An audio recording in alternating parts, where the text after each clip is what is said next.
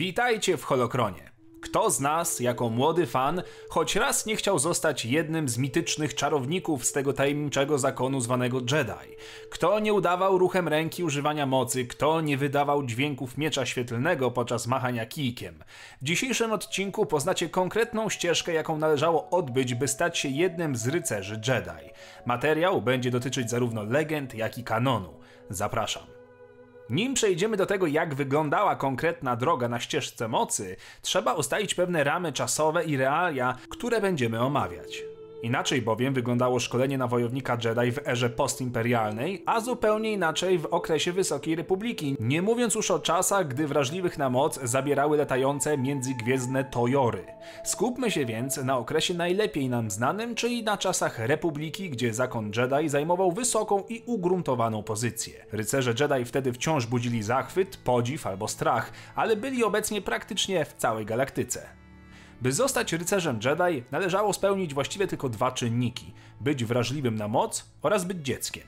Oba te wymagania były jednak poza możliwością dowolnego wyboru. Istniała też szansa, że czynnik wieku nie zostanie spełniony i choć urodziliśmy się z wysoką zawartością midichlorianów, to na naukę będzie za późno. Jak wiemy z filmów, bywały od tej reguły wyjątki, ale generalnie zakon nie przyjmował nikogo powyżej kilku lat. Nie ma dokładnej informacji na temat limitu wieku, głównie za sprawą tego, że różne rasy mają różny cykl biologiczny. Anakin miał około 9 lat i był uważany przez Rady za zbyt starego.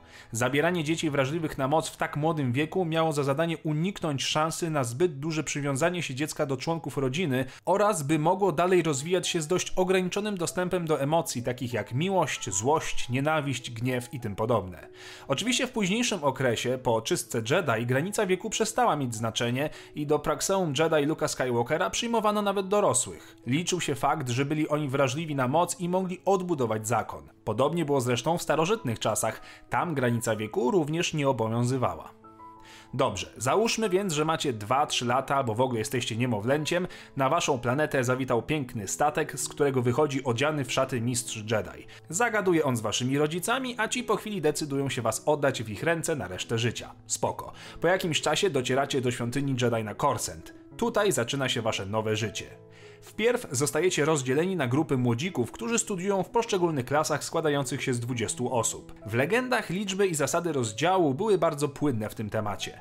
Pod okiem mistrzów Jedi uczycie się oddziaływania na moc, korzystania z niej oraz zdobywacie wiedzę z takich przedmiotów jak historia wojskowości, dyplomacja czy medycyna. Ponadto przechodzicie szkolenie mające uodpornić was na sądowanie umysłu czy podnieść odporność na przesłuchania. Innymi słowy, robi się z was wiernego żołnierza. W końcu przychodzi czas na zdobycie kryształu do swojego miecza świetlnego. W kanonie akt ten skupia się głównie na samym krysztale. Młodziki wysyłane są na Ilum, by zdobyć kryształ Kyber w ramach tzw. Tak zgromadzenia. Kryształ nawiązuje z młodym Jedi specjalną więź w mocy, stając się przedłużeniem jego woli. Następnie młodzik buduje miecz i gotowe. W legendach natomiast większy nacisk kładzie się na samo misterium budowania miecza. Zdobycie kryształu to ważna sprawa, ale ich źródeł jest nieporównywalnie więcej. Jaskinie, kopalnie, perła smoka Krajt, kryształy syntetyczne, co tylko chcecie. Trudniejszym jest natomiast poprawne i bezpieczne zbudowanie miecza, które wymagało użycia mocy. Tak czy inaczej, w obu przypadkach młodzik Jedi zdobywa swój pierwszy miecz świetlny. W kolejnych etapach szkolenia uczeń stawał się padawanem. Rycerze Jedi opiekowali się kolejnym pokoleniem wojowników, natomiast mistrzowie mogli wybierać na szkolenie padawanów i trenować ich we własnym zakresie. Na przestrzeni tysiącleci model uczeń-mistrz pozostawał niezmienny, aczkolwiek bywały okresy, w których jeden mistrz mógł brać na nauki więcej niż jednego padawana.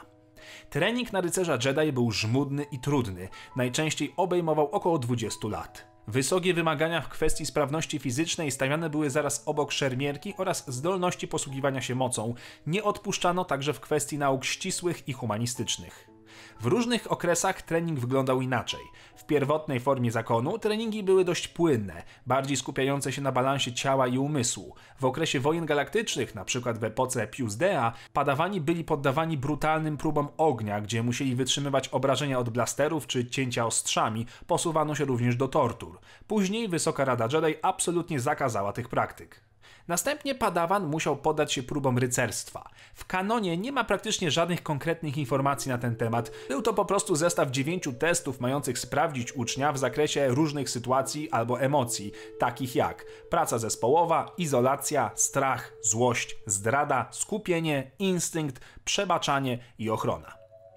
W legendach natomiast mamy pięć konkretnych testów do zaliczenia. Są to kolejno próba umiejętności, próba odwagi, próba ciała, próba ducha oraz próba wnikliwości.